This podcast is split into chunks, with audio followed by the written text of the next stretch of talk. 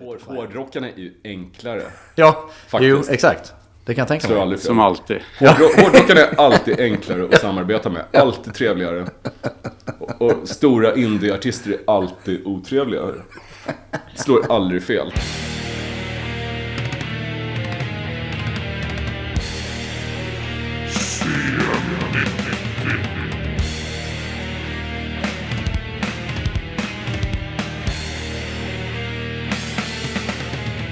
Okej, jag heter Fredrik Strage och jag har skrivit om musik i 30 år, ganska precis. För, för 30 år sedan så gick jag på en Blue for Two-konsert i Linköping. Freddy Wadlings gamla goth-syntband som var på turné. Och jag ville ha en autograf av honom. Så jag stod efter konserten och väntade på att få den här autografen. Och när han kom fram så var jag så nervös så jag hittade på att jag jobbade för skoltidningen. Så istället för att få en autograf så skrev jag ner vad han sa.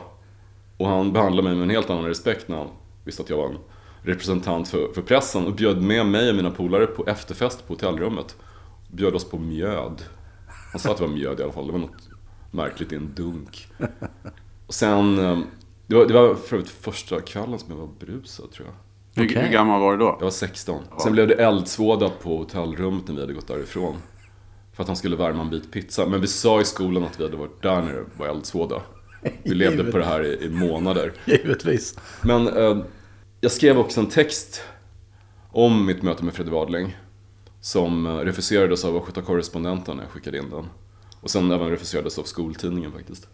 De vill inte heller ha den. Men jag började skriva ett fanzine som heter New Life som handlade om lite hårdare synt. Det här var i slutet av 80-talet så det kom, kom lite syntens motsvarighet till thrash metal-vågen när alla skulle spela så snabbt som möjligt. Var den här electronic body music-scenen då allt skulle vara väldigt, väldigt hårt eh, maskinellt, muskulöst och, och gärna ha lite så här tvetydiga nazivibbar också fast artisterna absolut inte var nazister. Så, lite som satanismen inom hårdrocken. Just det. Ja. Jag jobbade för den här tidningen New Life och sen fick jag börja skriva för en poptidning som heter Sound Effects, SA i Norrköping. Och sen 94 så fick jag skriva mina första texter i tidningen Pop. Då hade jag skickat in texter till flera olika tidningar. Bland annat um, Slits faktiskt. Jag var så avundsjuk på dig David för att du skrev i Slits då. Det var första gången jag såg ditt namn i... Du fick skriva recensioner bredvid... Andres Lokko. Ja, Andres var ju med där ett, ett tag. Sen hoppade han av Slits när eh, han hade, han hade fått den första svenska Morrissey-intervjun tror jag.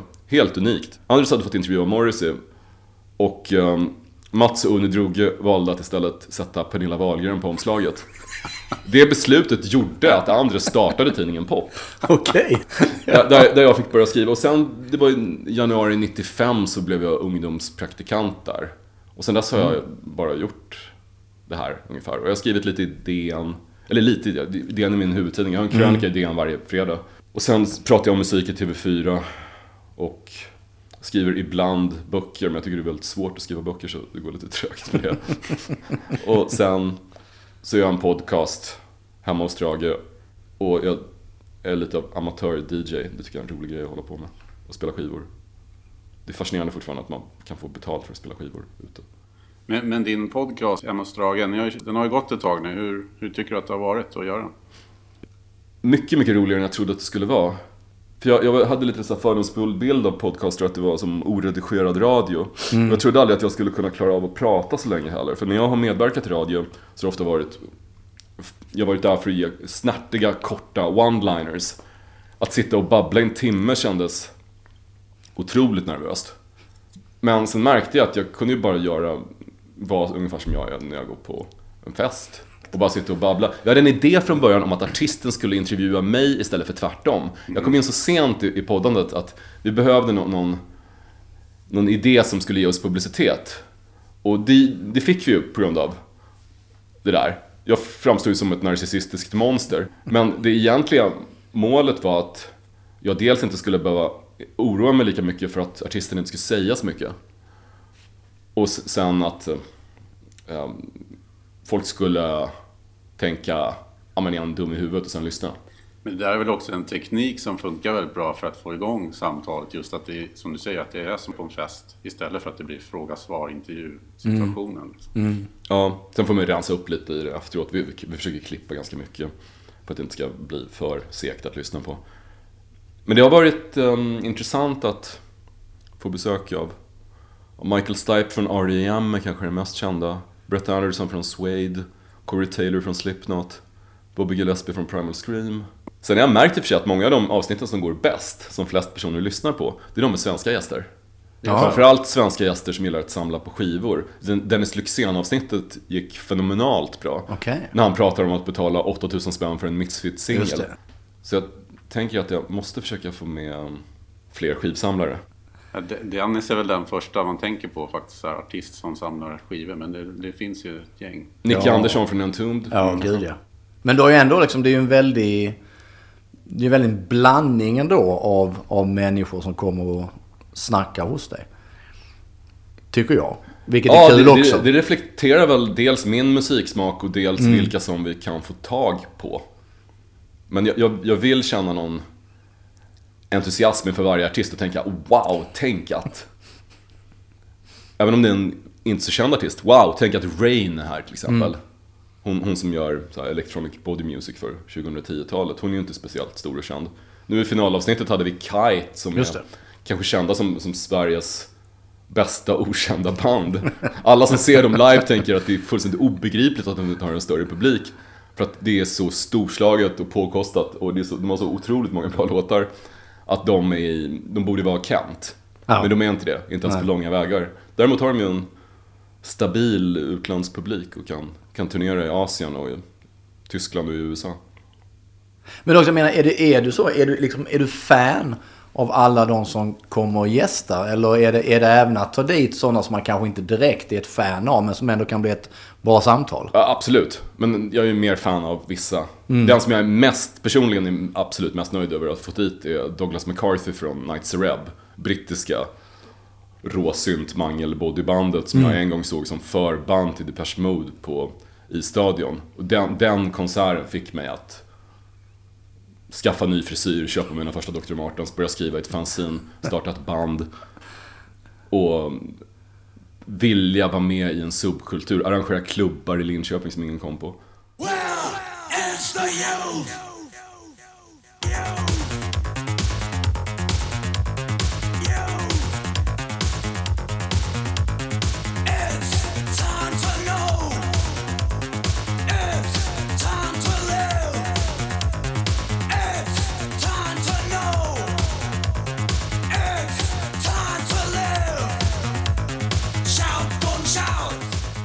Så att, att han var där var, var verkligen att, att high- high-fivea sin inre tonåring. Plus att han är så extremt snäll och, och trevlig.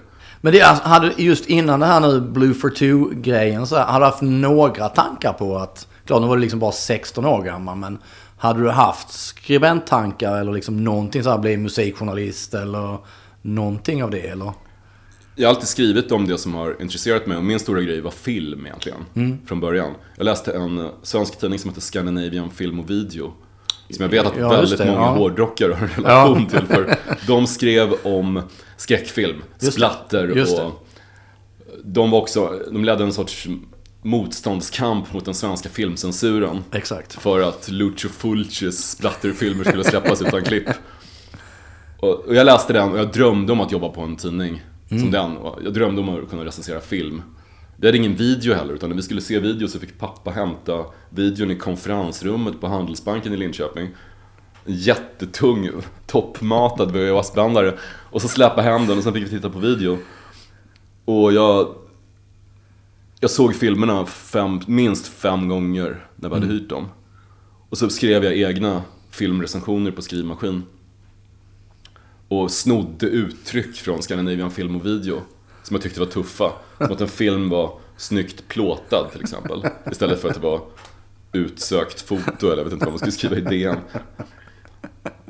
Scandinavian Film och Video var den första tidningen jag läste som inte var en serietidning. Okej. Utan en, en riktig tidning som handlade om, om någonting. Jag blev bara förvirrad för i ett nummer så skrev Sven-Erik Olsson som numera driver ett, eh, en DVD-distributör som faktiskt heter Studio S. Som det här ja. SVT-programmet om, om videovåld. Han, han skrev, han hade en videokrönika och skrev ah, det var fest i lördags. Om ni vill veta hur många liter folköl man kan hälla i en VHS-bandare så kan ni höra av er till mig. Och jag tänkte, man, har han hällt öl i videobandspelaren? Vi, vi, vi hade inte ens en videobandare. Han hällde öl sen. Jag kunde inte begripa, hur, hur kan någon göra något sånt? Samtidigt som det är, det är Sven-Erik Olsson, han skriver bra, han har koll på film och så. Men har, har han förstört sin egen videobandspelare? Jag grunnar på det i åratal. Så det var en sport för mig och mina vänner att få tag på oklippta versioner av, av skräckfilmer. Som ofta var betydligt bättre i de här brusiga VHS-kopiorna än sen, sen när man såg dem på DVD i slutet av 90-talet. Då kollar du sån här Cannibal Holocaust och... Det var, det var nästan för hårt för mig. Ja, jag, jag fixar inte det heller. Men eh, som Daniel Ekeroth, som har skrivit mycket om kannibalfilmgenren, ja. som han en gång sa, och det är väldigt sant, eh, det går inte att titta på kannibalfilm på DVD. Utan kannibalfilm måste upplevas på VHS. Ja. För gryn, skräcken sitter i grynigheten. Ja, just det. Ja. Gärna kopierat några gånger. Ja, exakt. Mina föräldrar var ju också så här. De var, jag vet inte varför de var emot det. Men eh, jag tror inte vi fick video förrän... Jag tror min farsa, mina föräldrar skilde sig. Sen farsan skaffade en video tror jag runt så här 87, 88 eller någonting sånt där. Eh, innan det var det ju Moviebox och såna här grejer. Men eh, nej, det fanns något, något strikt motstånd. Jag vet inte vad det var. Man fick se hos kompisar. Jag fick se... Eh, jag såg eh, Caligula. Den klassiska rullen som poddades av Penthouse. Med bland annat Helen Mirren. Den fick jag ju se när jag gick i... Alltså runt 84-85. Ung tonåring. Hemma hos en kompis vars, vars mamma sa att Ja, alltså ska ni veta killar, det, det är ren hårdporr den sen. Och liksom bara ett konstaterande. Ingen sa att vi inte skulle få titta på den, utan den fick vi sitta och titta på. Den scarred me for life efteråt. För det liksom, ja, den var alldeles för ung för att se det. Det är kul med uppfattning om vad porr egentligen är. Jag hade en sången i Millencolin på besök. Som berättade om första gången han kom i kontakt med Kiss. Bandet Kiss som han älskade sen. Han var otroligt ung då. Han satt i sandlådan i Örebro. Och hans storebror kom förbi med en tidning där det var en bild av Kiss. Av de fyra medlemmarna. Och han såg att Gene Simmons sprutade eld och, och blod samtidigt. Och hans första tanke var, det här är porr. För han hade hört talas om att det fanns något farligt som kallades porr. Han visste inte vad det var, för att han var fem år gammal. Men han visste att porr var oerhört farligt. Och något som fanns i tidningar ibland. Så när han såg en bild av Kiss så tänkte han direkt, det här är porr. Ja. ja, varför inte? Herregud. Men jag tänkte det också, i och med att du har, du har en liksom ganska eklektisk eh, musiksmak så här. Eh, hade du någon period, säg på 80-talet, när man ändå man var, man var hårdrockare eller syntare. Var du syntare då eller hade du någon period då du liksom räknade dig själv som hårdrockare? Någonting sånt där? Jag hade faktiskt en hårdrocksperiod, för min bästis älskade Iron Maiden. Ungefär samtidigt som de släppte Peace of Mind, åt- 83. När The Exakt. Trooper kom så köpte han den singeln och vi lyssnade på den tillsammans. Det var inte det bästa, mäktigaste jag hört, men jag tyckte om låtarna och jag älskade att sitta och titta på skivomslagen efter detaljer. Det är väl där de sitter och väntar på att få äta hjärna i Exakt. uppväxtlivet. Exakt. Jag fattar all den där ordleken med peace of mind. Stavas som en del liksom och det där. Ja. Men jag lyssnade väl mer på Depeche Mode, fast musik var inte så extremt. Jag gillade David Bowie också väldigt mycket. Let's Dance var min första skiva, 83. Det var den första som jag köpte för egna pengar. Jag rensade ogräs i mina föräldrars trädgård. Och så fick jag 10 spänn per hink med ogräs. Och efter sex hinkar så hade jag 60 kronor och då pappa gav mig ytterligare 3 kronor och kunde betala 63 kronor som det kostade att köpa Let's Dance med Bowie på Skivcity i Linköping. Sen på 90-talet så hittade jag på att min första skiva var Scary Monsters, Monsters med Bowie. Mer cred. Mer, mycket mer cred. Fattat att jag, jag ljög om det verkligen när jag jobbade på tidningen Pop. Det är rätt dåligt egentligen. Och nu skulle, jag, nu skulle jag, det skulle inte falla mig in att ljuga på det sättet. Fast Bowie anses ju nu vara någon sorts universalgeni. Att allt Bowie gjorde var helt briljant. Det kom just en box med hans sena 80-tal. När han bara trampade i klaver efter klaver. Han, är- han har gjort ofantligt dåliga skivor. Men på 90-talet var, var ju på tidningen Pop då framförallt så, de var ju sådana fascister att uh, Let's Dance var ju skräp. Okej. Och nu, nu är det en väldigt aktad Ja. klassiker. Bowies kommersiella mästerverk. Ja. Så, men, men jag, jag gillade mycket hårdrock. Jag lyssnade på Shout at the Devil jättemycket när den kom. Jag lyssnade på första Motley Crue-albumet och älskade Livewire. Mm. Jag fortfarande, jag, jag gillade faktiskt spelfilmen om Motley Crue som kom nu på Netflix. Ah, du gjorde det? Okej. Jag, jag, jag tyckte, men framförallt för att Livewire låter så vansinnigt bra. Ja. Ja, Och jag älskade Knock 'em Dead Kid sen på Shout at the Devil också. Absolut. Underbar. Grym låt. vi hade ju ett program om bara Shout at the Devil. Bara om albumet? Ja. Och då kom vi överens faktiskt att Knock 'em Dead Kid är den bästa låten, eller hur? Absolut, men den var också, för det var det också, så var den ju dedicated to the LAPD. Och det var också när man, första gången man läste det så visste man inte riktigt vad LAPD var för någonting.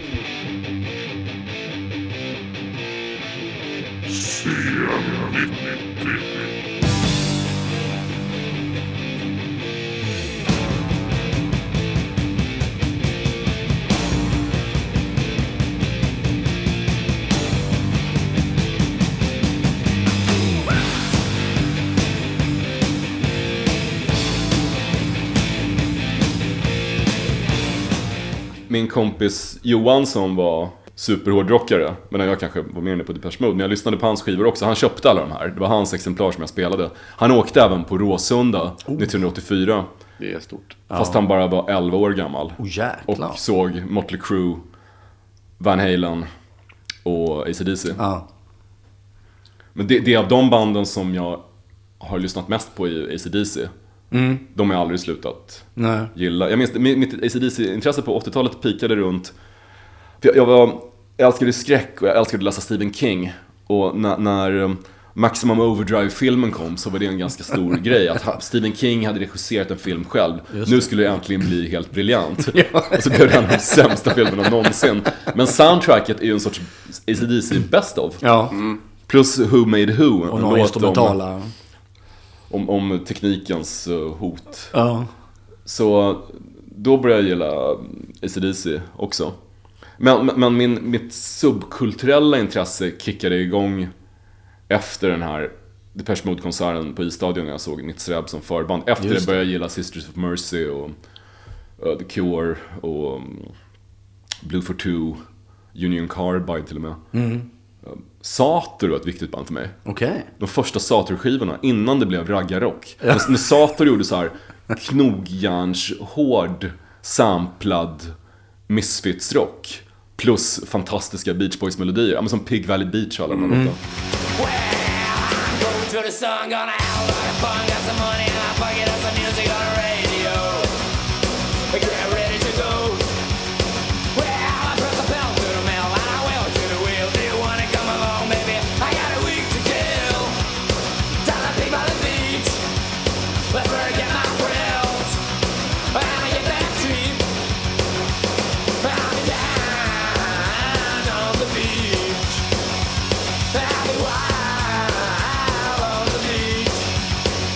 Intervjuade inte du David Sator i Slits en gång? Jo, det var nog en av de första intervjuerna jag gjorde.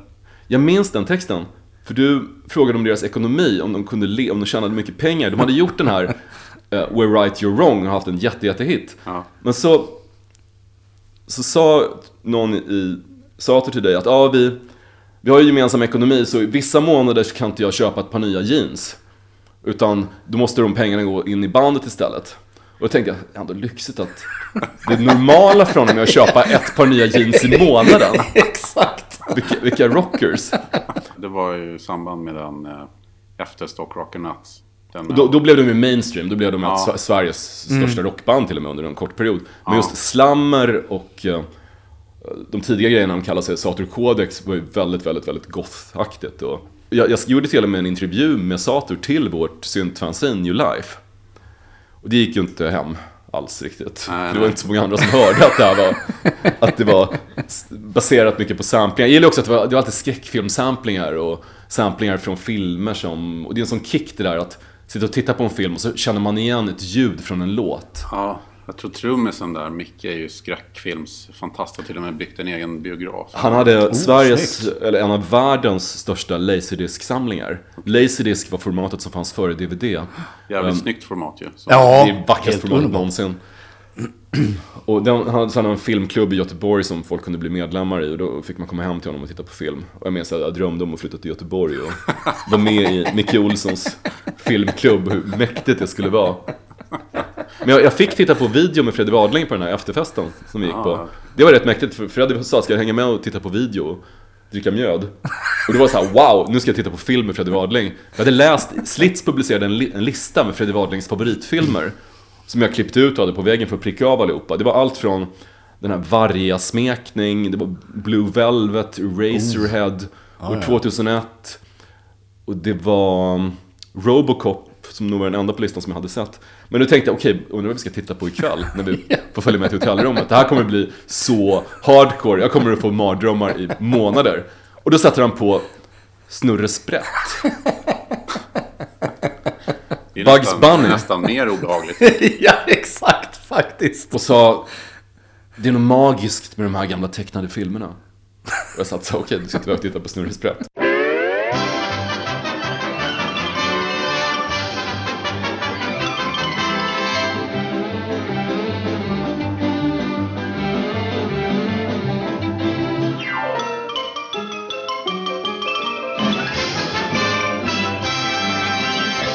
Första hårdrocksgiget då?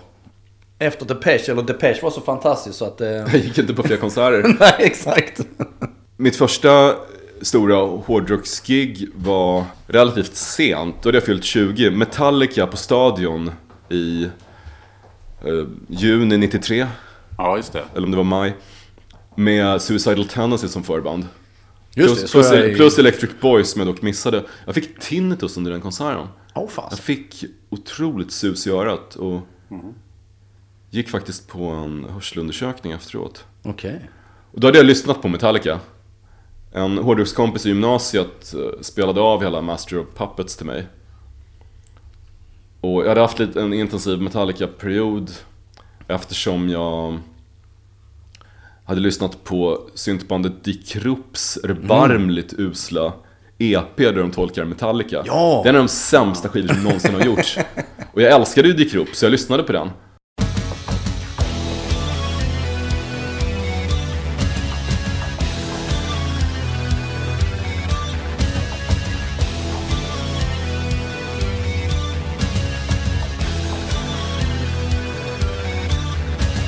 Och då fick jag en otrolig lust att upptäcka originalen. Som jag i och för sig hade hört, men verkligen lyssna ordentligt på originalen. Och sen kom deras svarta skiva.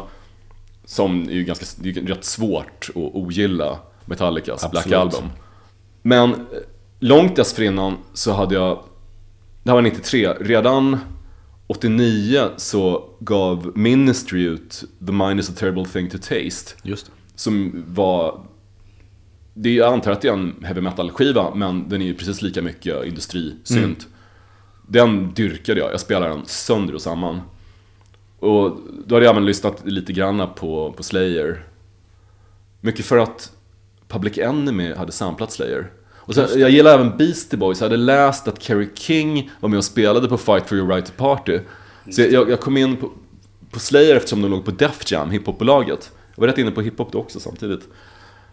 Men problemet med, med de här nya hårda metalaktiga industribanden som Ministry och Nine Inch Nails framförallt var ju att de, de kom ju aldrig till Sverige på turné. Nej. Ministry tror jag inte var i Sverige förrän 96. Och um, det gällde även ja, men Nine Inch Nails. De spelade inte i Sverige förrän 2005 tror jag. Stämmer jag. Och jag, jag hade biljett till, till, till Nine Inch Nails när de skulle spela i Stockholm 94 och blev inställt. Så det var en dröm att någon gång få se Ministry live. Och vid den tiden i början av 90-talet så började nästan alla syntband att experimentera med tunga gitarrer och Depeche Mode, Dave Gahan lät håret växa. Och var inte alltid så bra resultat det där. Men Ministry är ju ett fantastiskt band fortfarande. Ja, jag håller... Psalm 69 är ju liksom... Eh, det är en av de skivor som jag håller enormt högt. För att jag hade en, en skräckfylld eh, färd i en liten japansk bil 94 när jag pluggade i USA. Och vi kommer in mot Minneapolis på motorvägen och jag åker med någon galen amerikanare som mest bara pratade om, han var yngre än vad jag var, men han pratade mest om folk han slog ner i New Jersey och sådana här grejer. Och så kör, han körde fruktansvärt fort och vi skulle vara där över helgen. Och han slänger då på Psalm 69 på fruktansvärt hög volym. Och det är en av de gångerna som jag känt sådär att överlever detta ska jag bli religiös. För det är, jag trodde döden var nära liksom. Det var så fruktansvärt hemskt. Men det, då, jag var lite sen på det då. Så att, men från den stunden så blev det samtidigt att jag fullkomligen avgudar Psalm 69. Jag tycker den är genialiskt bra. Jag vet inte vad det är. Helt underbar platta. Sen hade jag en närmast religiös nära döden-upplevelse antar jag. I Hultsfred 91 när jag såg Entombed i Teaterladan. Oh. Den här konserten då, då Entombed blev breda och folkliga. När, Ah. när vanliga indie-kids och syntar och alla möjliga fattade att Entombed var ett superhäftigt band. Jag, jag såg dem då 91, jag stage-divade. Och slog mig, och sen stage-divade en otroligt tjock kille rakt på mig så jag brakade i betonggolvet där i teaterladan. Jag minns också att någon kastade en sko i huvudet på Johnny Dordevic, hette han va? Så- Sångaren som Just det. bara Ja, ja, ja. uppträdde med en tum under ett kort tag. Han har fått rätt mycket skit i efterhand, jag gillade honom. Ja. Men jag minns att han, han sa, efter att ha fått skon i huvudet sa han, och onödigt det där med skon alltså. Och tänkte, okej men du, all, musik, all er musik handlar om att skövla och liksom döden och du blir upprörd av att få en sko i huvudet. Men jag och mina vänner, vi började säga det där till varandra sen efteråt, det blev ett begrepp. Onödigt det här med skon alltså. Men det, det jag tänkte på också, i och med att du har då sån väldigt blandad smak. Var kommer det ifrån? Är liksom, har, har, kom ditt musikintresse, var det från föräldrar eller sådär? Att de hemma spelar skivor och det väckte någonting? Eller? Jag, jag, en parentes här, jag försöker ju ofta tona ner det här att jag har en bred musiksmak. För folk som säger att de har en bred musiksmak, om någon säger Åh jag lyssnar, jag gillar verkligen allting. Ja. Alltså, jag, gillar, jag tycker musik, du vet musik är musik. Jag kan gilla precis vad som helst. Om någon säger så, då vet man att de bara lyssnar på Coldplay. Inget annat överhuvudtaget. Exakt. Så om, om, ibland när folk frågar vad gillar du för musik? Då kan jag säga så här, techno. För det, för det låter tufft. Men jag har ett tråkigt bred musiksmak förstås. Ja. Men det tror jag man måste ha om man ska skriva om musik i många år Jo. utan, utan att bli uttråkad. Men det finns ju, det är ju kanske mer intressant att prata om vilka grejer som jag inte gillar. Vilka, vilka områden som jag in, fortfarande är outforskade för mig eller som jag är lite ointresserad av. Och det är väl framförallt så här classic rock-grejen. Jag har aldrig gått in för Bob Dylan ordentligt. Nej. Jag har aldrig satt mig ner och lyssnat igenom alla Bob Dylan-skivor. Och jag tycker att det verkar rätt tråkigt att se honom live, för det, det är inte... Det är inte... Jag älskar musik som antingen, antingen är ganska sockrat, kommersiell lollipop-musik. Dolly Style. Dol, Dolly Style, det ska antingen vara Dolly Style, eller så ska det vara Dissection Ja. de polerna. Det absolut mest sockrade, gulliga, fina och det absolut mest uppfuckade, mörka oväsen du överhuvudtaget kan lyssna på. Men eh, hemifrån så har jag väl egentligen ingen musikalisk fostran. Min pappa var, kom från Gotland, han var ganska intresserad av gröna vågen i början av 70-talet. Så han gick eh, kurs för att lära sig spela fiol och han skulle åka på spelmansstämma. Han skulle liksom vara vara nere med den svenska bondekulturen. Fast han jobbade på Handelsbanken i Stockholm. Min, min mor kommer från Hälsingland. Och hon begrep inte den här romantiseringen av lantlivet som, som min pappa äg- ägnade sig åt. Första gången han hälsade på hennes föräldrar uppe i Gnarp, den lilla staden Ja. norr om Hudiksvall som mamma kommer ifrån. Första pappa gör när han kommer dit och efter att ha sagt hej till, till min mormor och morfar att han går ut i ladugården och sätter sig och mjölkar en ko. Bara för att visa att han är nere med, med landsbygden. Så vi hade ju massa LP-skivor med Skäggmanslaget hemma. Skäggmanslaget var en sorts uh, um, Crosby, Stills, Nash och Young. Fast med spelemän från, från Delsbo eller någonting. Och sen hade vi någon ABBA-skiva och sen massa klassiskt. Men det var, det var inte mycket till skivsamling. När vi var ute och åkte bil på somrarna så och jag hade börjat lyssna på, på synt så minns jag att mamma och pappa tyckte att det var att ljudbilden var alldeles för kall och ogästvänlig. Och också att det var, det var inte riktig musik för att de, de tryckte bara på en knapp. Det Och sen, och sen sa, jag minns pappa sa, varje gång de spelade Beatles på radio så sa pappa, alltså alltid exakt samma sak. Han sa, ja tänk Beatles, vad de kunde göra med sina enkla instrument. Det är något annat än det här som du lyssnar på Fredrik, med datorer och grejer.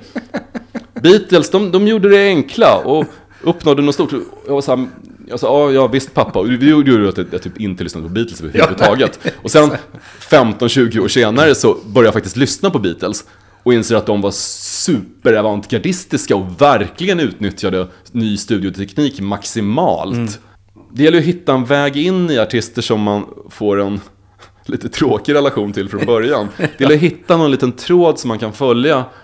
Och för att hitta någonting som, man, som, som tilltalar en. Och Beatles för mig var det här som musiklärarna i skolan försökte pracka på oss. Ja. Beatles var något vi sjöng tillsammans i klassen. Så min väg in i Beatles kom via Charles Manson. Helter Skelter. Precis. Beatles White Album vantolkades av Charles Manson och fick honom att vilja starta ett raskrig. Och idén var att för att, för att få fart på, på raskriget så skulle de mörda eh, vita och se till att det såg ut som om svarta hade gjort det. Just det.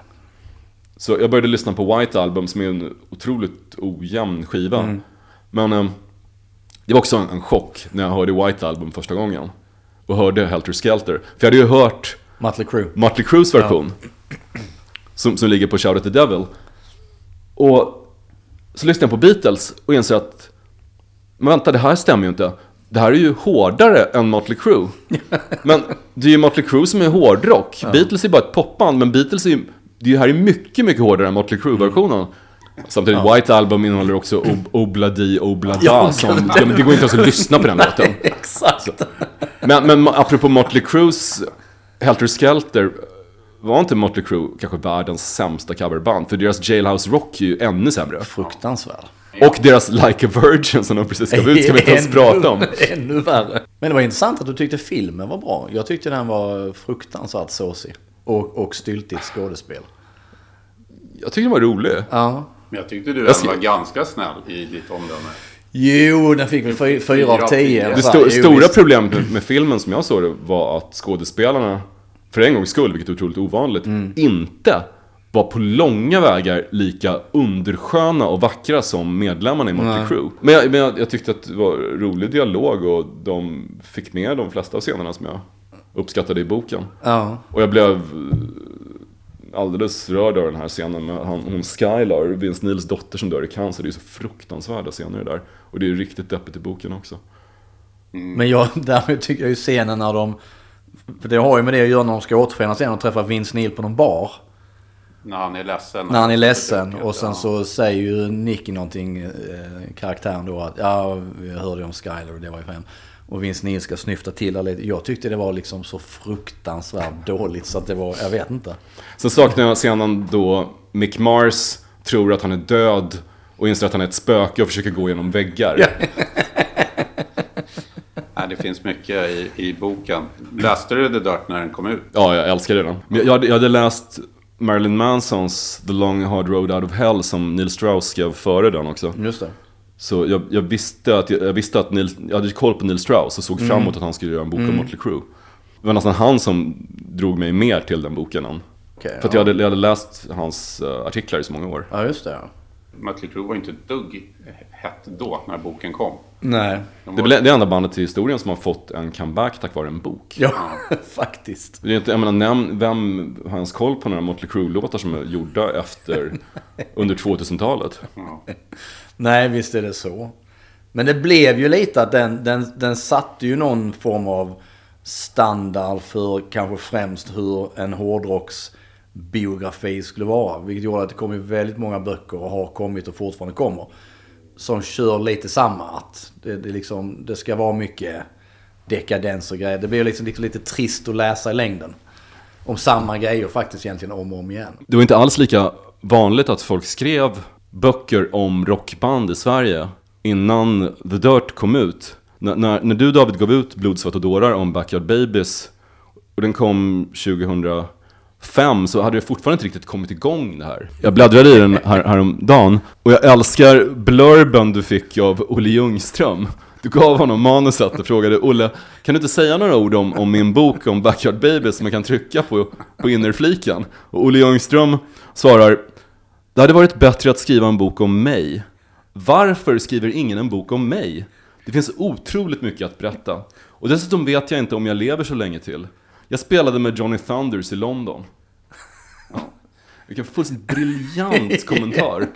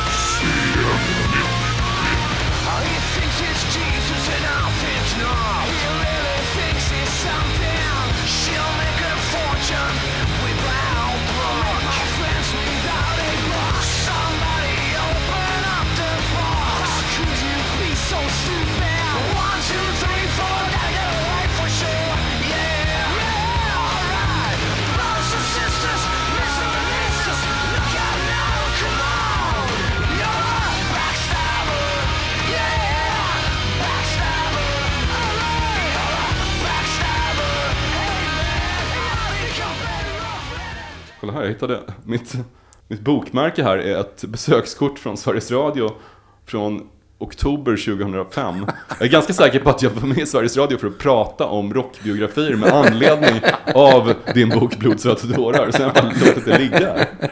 Hoppas du var snäll. Exakt.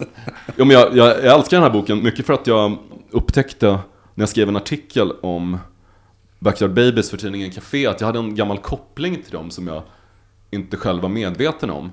Jag, jag var i Los Angeles när de skulle mixa Stockholm Syndrome-skivan och satt jag och pratade med deras basist. Och um, jag bodde i Nässjö några år i slutet av 70-talet. 77 och 81 tror jag. Det visade sig att vi hade sålt vårt hus till hans föräldrar. Åh fasen. Så Backyard Babies bildades i vår gamla gillestuga. Och det hade jag ingen koll på förrän Jaha, 20 år senare när vi sitter i Los Angeles på The Rainbow. coolt. Världen är liten ibland. Ja, Ja, det är verkligen. märkligt. Men, Men, ja. mi- Mikrofonkåt var ju också, om man säger att det hade ju inte gjorts någonting direkt i, i den formen tidigare. I Sverige i alla fall. Den var väldigt inspirerad av uh, Literally, en bok som um, journalisten Chris Heath, han brukar skriva alla de stora kändisintervjuerna i tidningen Details i början av 90-talet. Även The Face jobbade han för. Han gjorde en bok om Pet Shop Boys, om Pet Shop Boys första turné. Då de um, bestämmer sig för att, "Om, okej, vi, vi, gör vi gör en turné, vi ska göra, göra konserter. De vägrade ju uppträda live, för de, de, de var sådana pop-estetiska fascister att de ville, de hatade rockmusik så mycket att de skulle inte uppträda live överhuvudtaget, det skulle bara vara playback. Fast de är supermusikaliska, de föraktade livemusik så mycket. Och till slut så, så är det någon japansk musikmogul som erbjuder dem fullständigt absurda summor för att uppträda. Så de åker på turné i alla fall. Och Chris Heath bara följer med dem på turnén och bara skriver ner exakt allt som händer. Och han, han berättar om, redan på Heathrow så går de in i taxfree shoppen och ska köpa Jack Daniels. För, för att driva med, med rockmyten. Men, men istället för att dricka Jack Daniels så sitter de och pratar om hur de vill ha sina kuddar fluffade på hotellrummet. Vilken typ av tyg är bäst? Vilken typ av fyllning ska man ha i den perfekta huvudkudden? Så det är en sorts anti-rockbok. Den innehåller heller inga bilder utan det är bara kompakt text och den är ganska tjock. Okej. Någonting som jag tycker är en styrka, som vi nu kanske någon gång har pratat om i podden, just det här att, att läsa om saker, kanske främst inom musik, som man egentligen inte är intresserad av, men du fångas av den som skriver det. För jag minns, minns eh, eh artiklar i eh, Close-Up, eh, som jag faktiskt kopierade och satte in i sådana här pärmar där jag samlade alla möjliga rockutklipp och sånt. Som handlade om Mayhem och sånt när de höll på som mest. Men, nu minns jag inte vem som skrev artiklarna. Men, men de var så bra skrivna, de var så intressanta. Så jag var fullt fascinerad av att sitta och läsa dessa artiklar över musik som jag inte liksom brydde mig ett skvatt om. Och du är inte ensam om det. Nej. Jag menar, black metal har ju fascinerat folk över hela världen. Ja. Inte egentligen av musikaliska anledningar, utan Nej. för att det är så vansinniga historier. Ja. Att det, det, finns ingen annan genre där människor har gjort så sjuka grejer. Nej. Nu håller David upp boken Blod, eld, död av Ika Johannesson och Jon Jeppsson Klingberg som är, tycker jag, är faktiskt den bästa boken som har skrivits om black metal. Absolut. Men den bok som fick mig intresserad av den genren, det var Lords of Chaos. Ja. Den gavs ut i slutet av 90-talet. Och jag, jag fick låna den av Andres Lokko av alla människor. Okej. Som hade köpt den för att Killinggänget hade en idé om att göra en tv-serie i black metal-miljö. Okej. Det här var kanske 98 eller 99. Jaha. Ganska tidigt. Ja. ute, Alltså. Ja, men Ja. Relativt tidigt ute. Ja. Alldeles för tidigt för att någon på SVT skulle fatta Ja, någonting. Så det här, det här blev aldrig gjort. Men minns att de, de hade... Anders gick runt och pratade mycket om att han gillade Mortis och Just det. Immortal och Emperor och, och Mayhem förstås. Men um, Anders har ju ett oerhört liksom, brittiskt musikintresse annars. Han gillar ju inte hårdrock Nej. det minsta. Men han, han var fascinerad också, precis som du, av historierna. Ja. Så de tänkte att de skulle vilja göra någon, någon tv-serie där Robert Gustafsson liksom skjuter huvudet av sig med hagelgevär eller någonting. Men blev inget. Har du haft nöjet att intervjua någon av de klassiska stora black metal banden? Någon av nor- norrmännen? Jo, jag hade Satyricon på besök i podcasten. Annars har jag inte... Jag har skrivit mycket om uh, Watain däremot. Ja, De har jag intervjuat ganska många gånger. ja. Och jag, jag är imponerad av hur Watain lyckas skapa mystik runt sig själva. Trots att de har vunnit grammisar och omfamnats av en ganska bred publik. Så, Ja. så fortsätter han Watain att vara lite aparta och lite, lite hotfulla. Ja, det var ett väldigt stormande bara om det var förra året och det var Highlander på scen eller vad det nu var för någonting och det blev ett väldigt liv. Om man nu heilade, alltså Ja. att det var så att det var en romersk hälsning. Okej, det är världens sämsta ursäkt. Ja. Jag, jag, är ju, jag är ju ganska för att folk använder nazistiska symboler för att sprida ondska. Ja, Jag är helt fine med det. Det är inte... Det är ju smaklöst. Det är okänsligt. Men det är vad black metal ska vara. Ja. Däremot, när jag läste att trumsen i Marduk hade beställt flygblad från NMR för att dela ut. Ja. Det är skillnad. Eh, Att ägna sig åt ren aktivism för att liksom sprida nazism är inte alls samma sak Nej. som att vara med i ett satanistiskt hårdrocksband och stå framför någon hakorsliknande symbol och, och heila på en scen. Det är två helt olika saker. Så mi- mitt, min eh, kärlek till Marduk fick sig en rejäl törnare där. Ja. Plus att jag menar, det är som Erik Danielsson och Watain brukar säga, riktiga nazister hatar ju det. Jag menar, jag menar, Watain är den första som skulle skickas till koncentrationsläger. Det där är ju klassiskt citat av honom. Alltså. ja, Ja, men de, de vill ju ha ett tjusigt, um, puttinuttigt, ariskt Ja. eh, liksom villasamhälle med kärnfamiljer. Det är väl inte Watain? Det var väldigt roligt när, jag minns inte vad han hette, men någon svensk death metal-musiker gick ju med i, i någon nazistorganisation. Eller om det var en norsk. Jag hörde i alla fall om just hur de två världarna kolliderade. Black metal-musiker går med i en nazistförening för, för att det är ondska liksom. För att det är coolt att de är onda. Och går på sitt första möte och förklarar, ja men det, det viktiga är liksom att vi kan utplåna alla. Och nazisterna säger, nej men vänta vi ska inte, vi ska inte utplåna alla. Vi, eh, vi vill ju ha kvar de, de ariska människorna som ska leva och så han, vadå? Nej men vi, mörda alla, det är det som är grejen. Utplåning, total utplåning. Alltså jag, jag är ju verkligen, verkligen, verkligen emot högerextremism. Men jag kan, jag kan uppskatta vissa nazistiska inslag som en krydda i en subversiv popkulturell mix.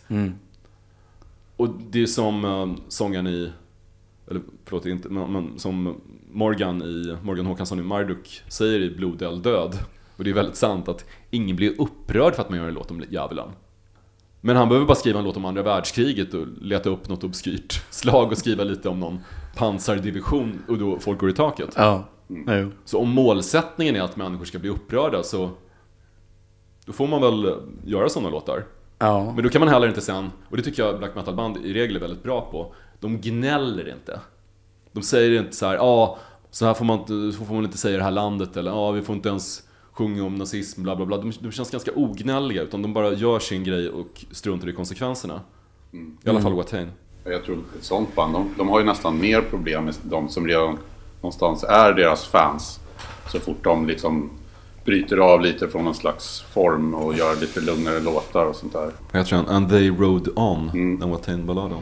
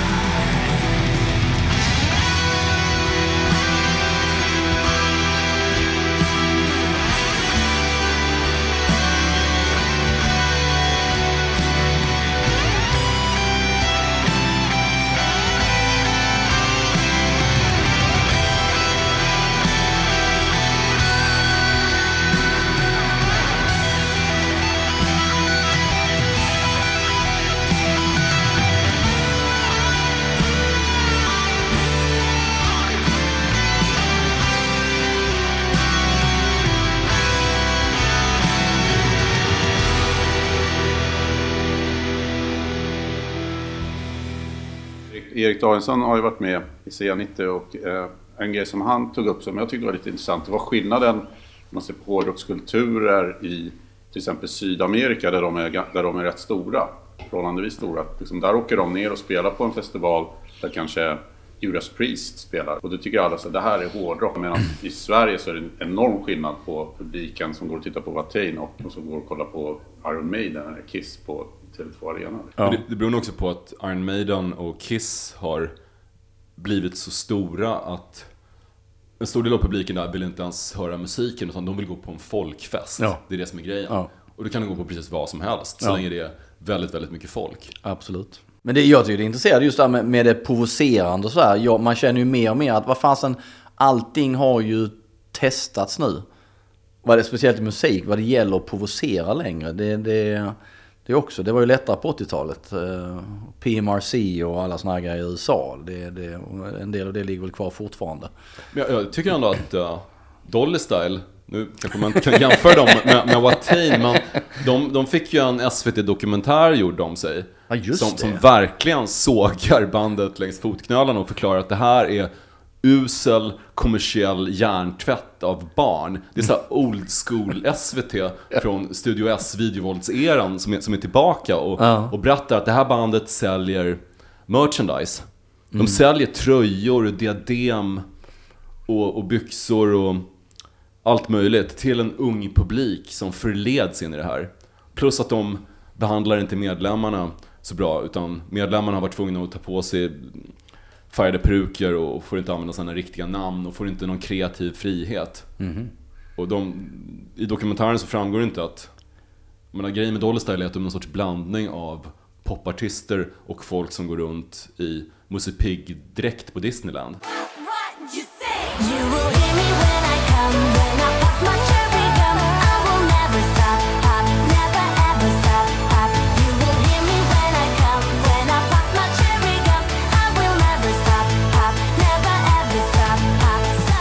Så de lyckades provocera. Dock så jag hade förväntat mig en debatt om kulturell appropriering för att de hade lite arabiska flörter på låten Habibi nu Melodifestivalen. Jaha, ja, ja, ja. Det blev ingen sån debatt för vi har lämnat den här woke-eran då saker och ting var väldigt politiskt korrekta och istället trätt in i jag tror det var DNs ledarsida som beskrev det politiska klimatet just nu som högerns 68. Att det är just knäppskallehögern som, som skriver agendan och bestämmer vad man ska prata om.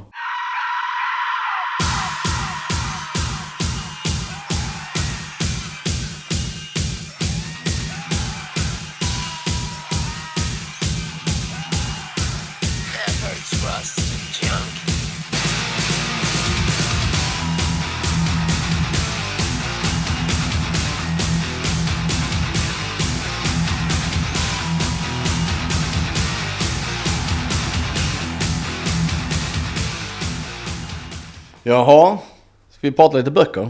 Ja! Det ligger en hel hög här på eh, bordet. Ja, det gör ju det. Vi har Please Kill Me här som ju är en... Eh, Den bästa bok som har skrivits överhuvudtaget. Du tycker det? Ja. Ja, jag, ty- jag tycker att den, det finns ingen bok som har fått mig att upptäcka så mycket musik. Jag började lyssna på... Jag började lyssna på Suicide. Ja, okej. Det här oerhört tidiga punksyntbandet. Det var ju ett punksyntband innan synt eller punk egentligen existerade. Ja. Jag började lyssna på New York Dolls tack vare Please Kill Me. Jaha, okej. Jag började lyssna på Stooges och Iggy Pop tack vare den boken. det, det som jag kommer ihåg, eh, eh, det första som slog en, det var just det här stilen att det bara är liksom någon som berättar något hela tiden. Ja. Oral, Oral history, ja. precis. Att den, var, den är ganska effektiv, liksom. det blir lättläst. Ja. ja, men jag läste nog den och eh, Suicide minns jag. Fatt, jag köpte en platta faktiskt när jag var på semester i New York för många år sedan. Och tänkte att nu fasen ska jag lyssna på Suicide. Fattade inte alls. Jag tror till och med jag har sålt den plattan sedan dess. Eh, nej men Please Kill Me, jag gillar den också. Eh, jag är inte så här överförtjust egentligen i Ramones och, och så. New York Dolls och så här gillar jag men jag är absolut inga husgudar. Men jag gillar också det just sättet den var berättad på. Och sen tror jag, om nu minns jag inte, jag tror det var efter jag hade läst den.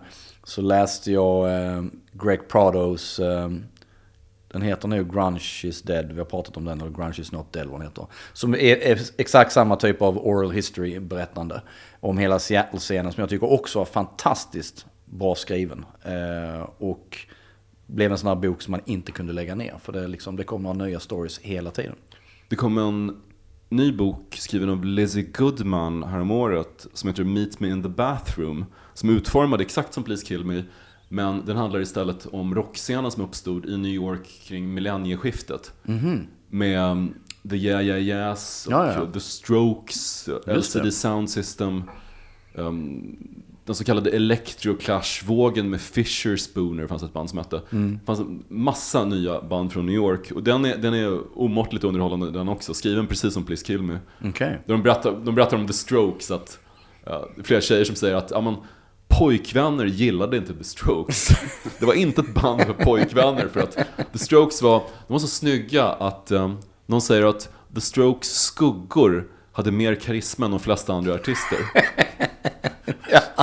Det, det Och sen har jag. blev ju Strokes aldrig sådär jätte, jättemega Nej, det hände som, liksom som inget, pressen jag. ville. Utan de, de var kanske det sista bandet som, som hypades av, den klassiska um, musikpressen. Mm. Det sista bandet som, som NMI lyfte fram, som, som alla popjournalister dyrkade och som blev stora, men de blev inte ett av världens största band.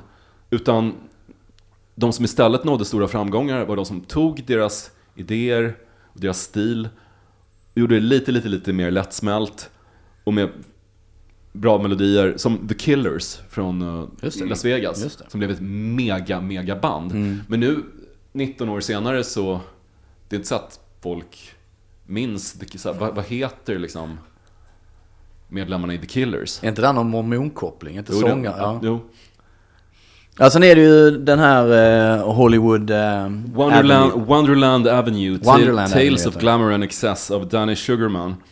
Som ehm, jag hittade när jag var på Antikvariatet Alfas slutrea. Jag läste bara orden Glamour and Excess och tänkte den här boken måste jag läsa. Och den var helt fantastisk. Extremt välskriven. Där Danny Sugarman som blev, Ramo- som blev The Doors manager, eller blev Ray Manzarek's manager egentligen. Um, han, han skötte Rayman, keyboardisten Ray Manzareks karriär efter att um, Jim Morrison hade avlidit.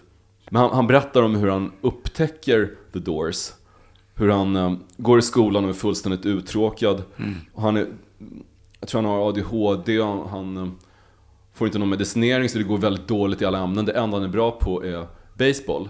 Och någon assistenten till tränaren för skolans baseballlag berättar för honom att han är roddare och håller på att hjälpa ett nytt band som heter The Doors. Han bär deras utrustning. Och Danny Sugarman blir så ah, vad coolt att jobba för ett rockband, vad häftigt. Och sen är det någon viktig match. Och Danny Sugarman ska, ska slå med, med baseballträt. Och det är precis jämn poängställning. Så hans skola behöver bara ta ett poäng för att vinna matchen. Så tränaren säger till honom, Danny, nu är det viktigt att bara nudda bollen med, med, med basebollträet. Så här, svinga inte för att göra en, en homerun, du får absolut inte göra det. Och tränarens assistent går fram till honom och säger Danny, tänk på det att du får bara nudda bollen med trädet, inte svinga, jätteviktigt. Och Danny Sugarman säger fuck that, jag ska, jag ska göra slå en homerun. Och då säger assistenten, okej, slår jag en homerun så tar jag med dig ikväll för att se The Doors. Just det. Och Danny Sugarman slår bollen långt, långt, långt utanför den fotbollsstadion där de är. Och får följa med och se The Doors. Och det blir liksom början på hans nya rock'n'roll-liv som, som leder honom ner rakt i fördärvet. Tills han um, finner Buddha på slutet av 70-talet och lyckas bli, bli ren från heroin. Jag bara läst, för det var ju grejen också att han är ju väldigt ung. eh, När han kommer i kontakt med Doors. Han är väl så här 12, 13. Ja, ja men det är det, det som är Almost famous, det är nästan den grejen. Att du Exakt. har en superliten oskuldsfull Ja. kille och Jim Morrison blir som en fadersfigur för honom. Ja. För att jag, nu har jag bara precis, jag har precis kommit i, jag har börjat läsa den här nu då och Men jag kände redan så här att där, är, där var några scener i den som faktiskt direkt jag kände att fasen där hade kunnat bli så jäkla läckert i en film. Det var någonting i början där han, jag tror han har haft något bråk med just den här styvpappan. Han går ut och så går han längs med poolen och så skriver han då att han, han lägger världens loska i poolen.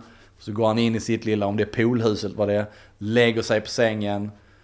Eh, på med hörlurarna och sen så sätter han på The Doors och så tror jag det är låten Break On Through To The Other Side. Och bara det känns så att det här måste man ju, det hade kunnat bli hur bra som helst. Och det är något möte, han möter Jim Morrison i en trappa på kontoret och Jim Morrison ställer massa frågor till honom. Och, Jim Ja, Morrison är- ger, ger honom böcker också. Ja, absolut. Han ger honom massa litteratur. Så här, Ja. Arthur Rimbaud och massa franska författare och, och beatförfattarna. Och, ja, men Jim Morrison träder in i rollen som bibliotekarie nästan. Exakt. Och först säger han, men vad, vad är det här? Ska du få mig Det här är ju samma böcker som min, som min eh, engelsklärare i skolan har gett mig. Och Jim Morrison säger, jo men bara för att läraren säger att du ska läsa någonting så betyder inte det att den grejen är dålig. Utan Nej. läs det här nu, det blir förhör på det här. Exakt. Nej men den verkar, för att den är väldigt välskriven. Ja, man fångas ganska direkt av den. Och som sagt, det är väldigt mycket Almost famous vibbar. Eh, Det jag läst i varje fall hittills. Men Fredrik, var, var det så att eh, du eh, började att skriva en bok om eh, sångaren i Crash Diet, Dave Leppard? Ja, jag hade en idé om att skriva om tre svenska rockartister som, som dött under tragiska omständigheter. På något vis försöka få ihop det till en, en sammanhängande berättelse med den här filmen Meryl Streep-filmen Timmarna som förebild. Som också är tre historier som löper parallellt. Och med vissa, så, och jag började, jag gjorde massa research, jag intervjuade alla möjliga människor. Jag intervjuade Tobias Forge från Ghost. Oj, okej. Um, Vilka Om- var det mer än, än Dave Leppard som var liksom huvudkaraktärerna? I? en kille som kallades för Kutting som spelade i Moderat Likvidation, ett gammalt kängpunkband. Och vem var den tredje? Det här är tio år sedan. Det, det var ett oerhört ambitiöst projekt och det slutade i katastrof. Men det, det mest intressanta var kanske att jag spårade upp de som var med i den allra första upplagan av Crash Diet. Inte den som slog igenom, utan den, den första. Och där spelade ju Tobias Forge. Så, Okej. Och när, när jag träffade honom då, det var våren 2008. Det var en kille som hette Gurra också som var trummis i det Crash Diet. Då berättade Gurra och Tobias att vi har ett nytt projekt nu. Vi ska göra så här, melodiös 80-tals metal. Lite åt så här, Merciful Fate-hållet. Okej. Och vi ska försöka kanske maskera oss på något vis. Så jag, var, jag satt i en studio med dem här vid, um, ute i Kristineberg, tror jag det var, och lyssnade på tidiga låtskisser. Sen Okej. två och ett halvt år senare så berättade man att Papa Emeritus är Tobias Forge. Problemet med det här bokprojektet var också att Dave Leppard hade betett sig så pass svinigt mot många människor att det var svårt att skriva om det utan att det blev lite förtalsvibbar okej. Ja. över det. Han, hans, han var heller inte speciellt känd. Nej. Folk vet ju inte vem det är. Han tog alltså livet av sig, vad, vad kan det ha varit? 2006. 2006, ja. När Crash Diet hade väl det, det hade väl börjat röra på sig för dem då. Absolut, de fick ju, framförallt i en reklamfilm för teleoperatören 3 så fick de en hit. Mm. Breaking the chain.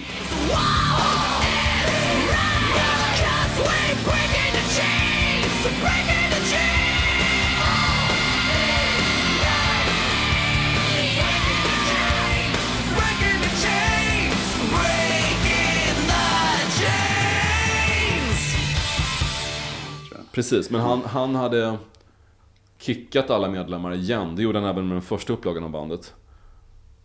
Ehm, De, de här medlemmarna säger förstås att de hade slutat själva. Det är oklart om Crash Light egentligen existerade när han begick självmord. Okej.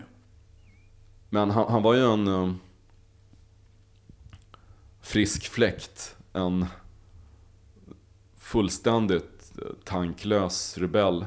Jag vet att Erik Danielsson i Watain har, som, som umgicks mycket med honom, hade band ihop med honom, har, har fascinerats väldigt mycket av, av David Hellman i efterhand också. På den tiden det här hände så tror jag att Erik tyckte att det var mest jobbigt att behöva umgås med honom.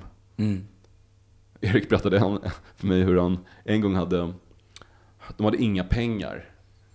Det här är en fantastisk historia. Och de, han var jättehungrig. Erik var verkligen superhungrig. De hade inga pengar att köpa mat för. Till slut så lyckas de så här, gå runt och samla flaskor som de går och pantar. Och då får de ihop tillräckligt mycket pengar för att köpa en liten förpackning med potatissallad. På Ica. Så du går in och kommer ut med potatissalladen och Erik tänker äntligen ska jag få äta mig mätt. Jag är så himla hungrig. Då tar David Hellman och kastar upp potatissalladen i luften och sparkar iväg den som en fotboll så att potatissalladen bara sprutar åt alla håll. Och Erik står där och stirrar på sin middag som ligger liksom demolerad, krossad över asfalten och har väl inte långt till tårarna. Nej. Det, där, det, är- det är verkligen bara dumt. ja. Jag, jag inter- intervjuade även folk som ingick i ett hemligt nätverk som David Hallman brukade hänga med. Han hade ju liksom olika grupper som han inte ville skulle... Olika grupper av vänner som absolut inte fick träffa Aha, på varandra. okej. Men han hängde med ett gäng som kallades för Eliten. Med många så här punkare som var lite hygieniskt utmanade. Bland annat uh, Hygieniskt Onkel, den, den så kallade bajsmannen. Ja. En annan kille som kallades för Piss-Johan. De här människorna hängde mycket i Göteborg och eh, dyrkade över allt annat Gigi Allen. David Hellman ha- hade en, en kompis som, eh, han bodde med ute i Gottsunda, kompisen hade en tatueringsnål. Och de försökte tatuera Gigi Allen så många gånger på Davids ben att, eller han hade en idé om att han- skulle tatuera Gigi Allen så många gånger på benet att benet skulle bli helt blått. Det är en bra idé. Alla olika mål i livet. Så är det.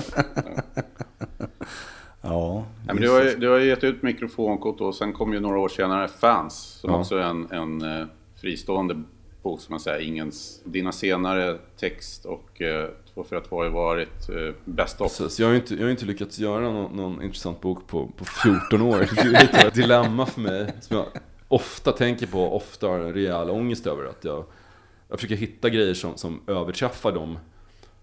Framförallt det jag skrev i Fans, det var no- några texter där, som den om kvinnan som förföljde familjen Taube Just i decennier och brände ner en sjösala. De blev så pass bra att ska jag skriva något nytt så måste det vara i klass med det. Ja, Agneta Fältskog. texten Agneta. Fältskog-texten blev också Ja. väldigt, väldigt bra. Så på senare år har jag, nu har jag två barn så det är svårt att liksom åka iväg och hänga med folk och göra turné texter heller. Så jag vet inte riktigt hur, hur jag ska göra. Det, det finns ett det finns ett, ett gammalt punkband som jag vill skriva något om. Jag frågar om någon annan är intresserad av det. Som, som jag har läst om. Och där, där har jag tänkt att jag ska kanske få ihop någonting som kanske kan bli något bokliknande. Men ah, det är knepigt. Mm. Ja, särskilt där reportageboksformen. Alltså det, det tar ju som du säger. Det, Det tar, kräver väldigt, väldigt, väldigt mycket. Ja. Och det är väldigt mycket tid som aldrig blir något liksom, av det. Mm. Lätt. Verkligen. Men jag har haft massor av, av bokidéer som har gått åt helvete. Det är, det, är, det är min grej. Du måste ju också ha fått en del förslag kan jag tänka mig. Med. Jo, absolut. Jag har fått... ehm, jag har blivit... ehm, ehm, jag har fått erbjudanden om att skriva allt från Dregens självbiografi till... eh, oj, vänta. Nej, men jag, jag sitter och läser, eller sitter och läser, men jag, eh, jag har eh, 242 liggande vid sängen nu tillsammans med typ 15 andra böcker sammanlagt.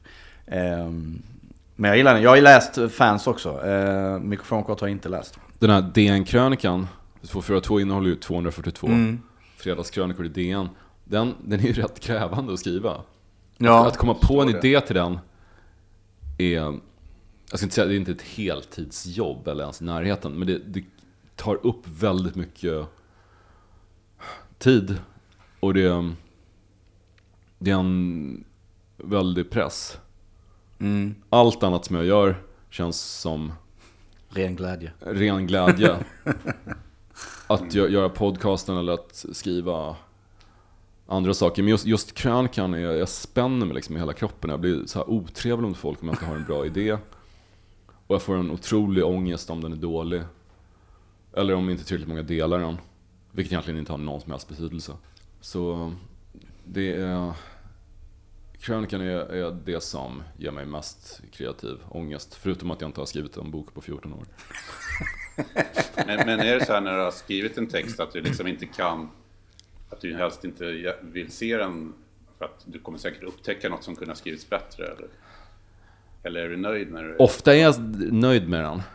Så pass nöjd att jag, jag tittar lite i den i tidningen och, och sk- skrattar åt mina egna formuleringar och sådär. Jag, jag, jag är ofta väldigt nöjd med, med krönikorna. Jag tycker Ja. att de blir väldigt bra.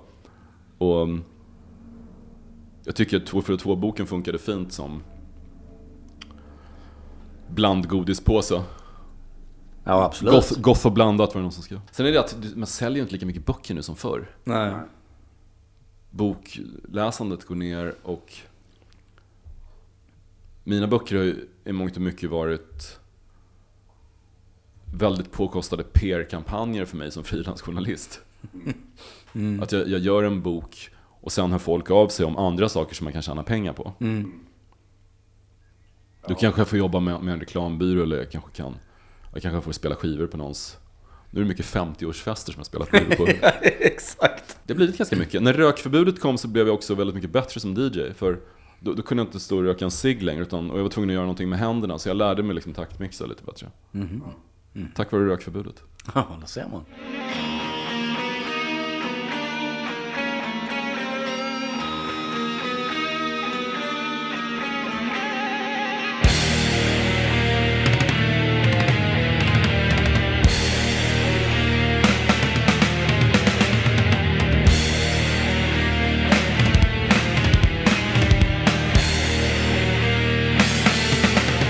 Nej, men jag tror jag intervjuade Tom Araya eh, faktiskt efter att du hade gjort Tom Araya och Kerry King när de var här senast på promo för...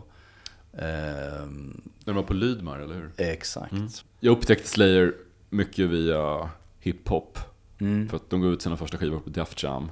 Och Kerry King spelade med Beastie Boys. Och Slayer samplades av Public Enemy. Men den skrev du för Close-Up, har jag för mig. Ja, den skrev jag på För du har skrivit lite grejer för dem Ja, jag genom skrev åren. intervjuat uh, Turbonegro och Slayer och Dark Funeral Ah, för Close-Up. Dark Funeral var, var det första black metal-band som jag verkligen gillade. okej. Jag minns inte hur jag upptäckte dem, men det var när de släppte första LPn så. Det, för det här var före Lords of Chaos. Så jag, jag har verkligen gillat Dark Funeral väldigt mycket. Sen har jag då fått lära mig att de inte är hardcore, att de inte är äkta säger alla. Men jag, jag bryr mig inte om det. Jag tycker fortfarande The Arrival of Satan's Empire är en av de absolut bästa black metal-låtarna.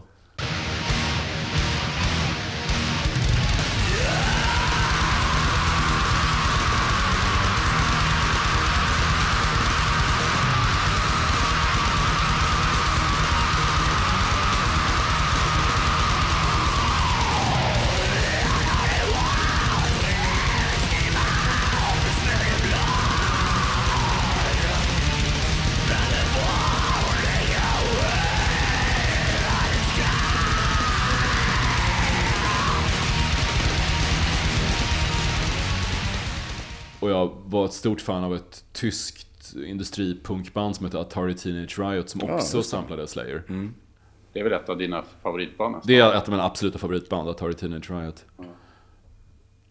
Jag såg Så ett jag- klipp jag- där när, när, när en konsert i, eh, är det i Tyskland övergår till liksom riots. Det är väl mer en, en politisk demonstration där de råkar uppträda. Okej. Men de hetsar publiken till, till att kasta sten på polisen och sen blir de själva gripna av polisen under Ah, konserten. Som rålar de We will never die! Nu. Stuvar sig in i polisbilen. Men, men ehm, Slayer är ju ett av de bästa liveband jag sett också. Jag minns en konsert på Annexet framförallt. När de, tror jag, spelade Raining Blood i sin helhet. Ja, okej. Mm. Det är ju också ett hårdrocksband som är lätt att gilla för mig, för de, de saknar de delarna av hårdrock som jag har svårt för. Dels långa invecklade gitarrsolon och dels kastratsång. Annars tycker jag det mesta är briljant, men jag har aldrig varit ett fan av Axl Rose röst. Utan jag, jag älskade att höra, jag fattade inte hur bra Guns N' Roses var förrän jag hörde Velvet Revolver när Scott Weiland Ja, sjöng okej, ja, Guns-låtar. ja. Han, han, han, han tyckte han var en lysande sångare. Jag gillar Velvet Revolver ganska mycket. Ja. Jag vet, jag vet ju att eh, Axl Rose är en duktig sångare och jag blev otroligt imponerad när han, när han vikarierade i AC/DC. Det var Men det var som att han, som om han ansträngde sig själv extra mycket för att han får spela med sina idoler. ja. Och så satt, satt han i rullstol också. Han hade allt emot sig. Och bestämmer sig då för att nej, nu, ska, nu ska jag, jag ska vara så bra som jag överhuvudtaget kan Ja. vara. Men ehm, Iron Maiden är väl ett bra exempel på det. De- Deras liksom, dribblande gitarrsolon gör att jag, jag vill liksom klippa bort de delarna av låtarna för att jag, jag tycker inte att det är... Jag, jag gillar inte den typen av av aktivitet på strängarna. Det, det, blir, det, är liksom, det är inte kul att lyssna på. Jag vill ha, i den mån jag vill ha gitarrsolon överhuvudtaget vill jag ha ett solo som sammanfattar liksom essensen av låten. Som tar, en tar melodin, och kanske broderar ut den pytte, pyttelite, men framförallt betonar vilken grym melodi det är. Som um, solot i She Sells Sanctuary med, med The Cult. Jag tror Billy Duffy är en av mina absoluta favoritgitarrister. Så här, det, det är inte för ekvilibristiskt. Utan det, men det är, det är ändå ett rejält fett schysst solo. Och det gör att när låten kick, drar igång igen så, så blir låten ännu bättre på grund av solot. Inte för att, åh, äntligen är solot över. Eller, eller, det är väl förmodligen den bästa skandinaviska rocklåten någonsin. D.A.D. Sleeping My Day Away. det solot som är på någon sorts här halvakustisk gitarr är också så helt otroligt fint. Så det är inte så att jag inte gillar gitarrsolo, men jag gillar inte de här Yngwie Malmsteen-grejerna. Vad är bästa plattan med The Cult då? Du bär ju ganska ofta The Cult-tisha. De är ett fantastiskt band. Och det är väl ett dött lopp mellan Electric. Electric och Sonic Temple. Ja. Men ett band som jag gillar ännu mer är faktiskt Lords of the New Church. Okej, ja. Gruppen som Steve Baters från Dead Boys hade på 80-talet. Han är en av mina favoritsångare. Och- Men det, det roliga med The Cult är att de, de var egentligen lite för hårdrock för att tilltala goth-publiken. Ja. Kanske lite för goth för att egentligen vara ett hårdrocksband. Jag gillar Ja. att de är någonstans däremellan. Men eh, om vi ska försöka avrunda det här eh, avsnittet då. Fredrik, en biografi som du tror att våra lyssnare då skulle må bra av att läsa? Hellfire av Nick Tosches om Jerry Lee Lewis. Det är ett tråkigt svar men det har inte skrivits någon bättre bok om rock än den. Han, han återberättar Jerry Lee Lewis väldigt tragiska karriär och extremt framgångsrika karriär också. Men hur, hur han och hur Jerry Lee Lewis slits mellan religiös tro och profan underhållning. Han vill så väl och han gör så mycket ont och han skäms så mycket. Och han ha- känner in, innerst inne att han inte borde ha blivit rockartist. Att han borde ha gjort som sin kusin Jimmy Swaggart. Just det, Som blir tv-predikant. Ja. Enormt framgångsrik. Och släkten skäms för Jerry Lee och säger varför kan du inte vara mer som din kusin? Och sen grips ju Jimmy Swaggart i någon sorts prostitutionsskandal. Helt. Och visar sig vara precis lika moraliskt fucked up som Ja. Jerry Lee Lewis. Men han, han Nick Tosche skriver på ett väldigt ödesmättat, nästan bibliskt språk om Jerry Lee Lewis. Han, han, han berättar hur Jerry Lee Lewis börjar känna att framgången i sig är att det finns något ondskefullt där också. För han, han köper ett stort hus och han, han bygger en fin swimmingpool. Och deras tvååring drunknar i swimmingpoolen. Just det. Han, han köper en, en stor fin racerbil till sin son och sonen kör ihjäl sig. Det händer, det händer massa sådana saker som, som är, det är liksom så, så brutala tragedier. Så den, den boken kan, jag- kan jag verkligen rekommendera.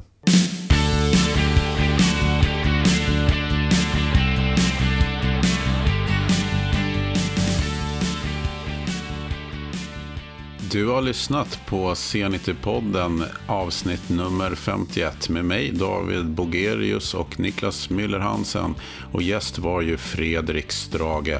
Vill du höra mer av Fredrik så lyssna på hans podcast Hemma hos Strage. Glöm inte att följa C90 på Facebook och Instagram. Så hörs vi. Ha det bra så länge. Han är lugn sa jag. Okej?